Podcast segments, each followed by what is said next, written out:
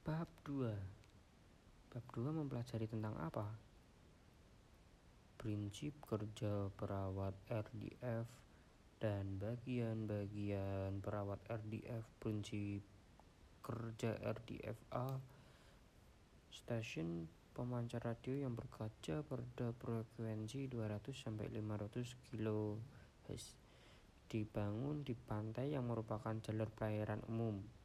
Di kapal terdapat pesawat penerima radio yang mempunyai antena model khusus yang dapat berputar 360 derajat yang mampu menginduksi gelombang elektromagnetis dan pemancar RDF yang kekuatannya tergantung atau dari posisi antena. Ci sinyal dan stasiun pemancar dibaring oleh pesawat penerima kapal sehingga arah dan stasiun pemancar terhadap kapal dapat ditentukan.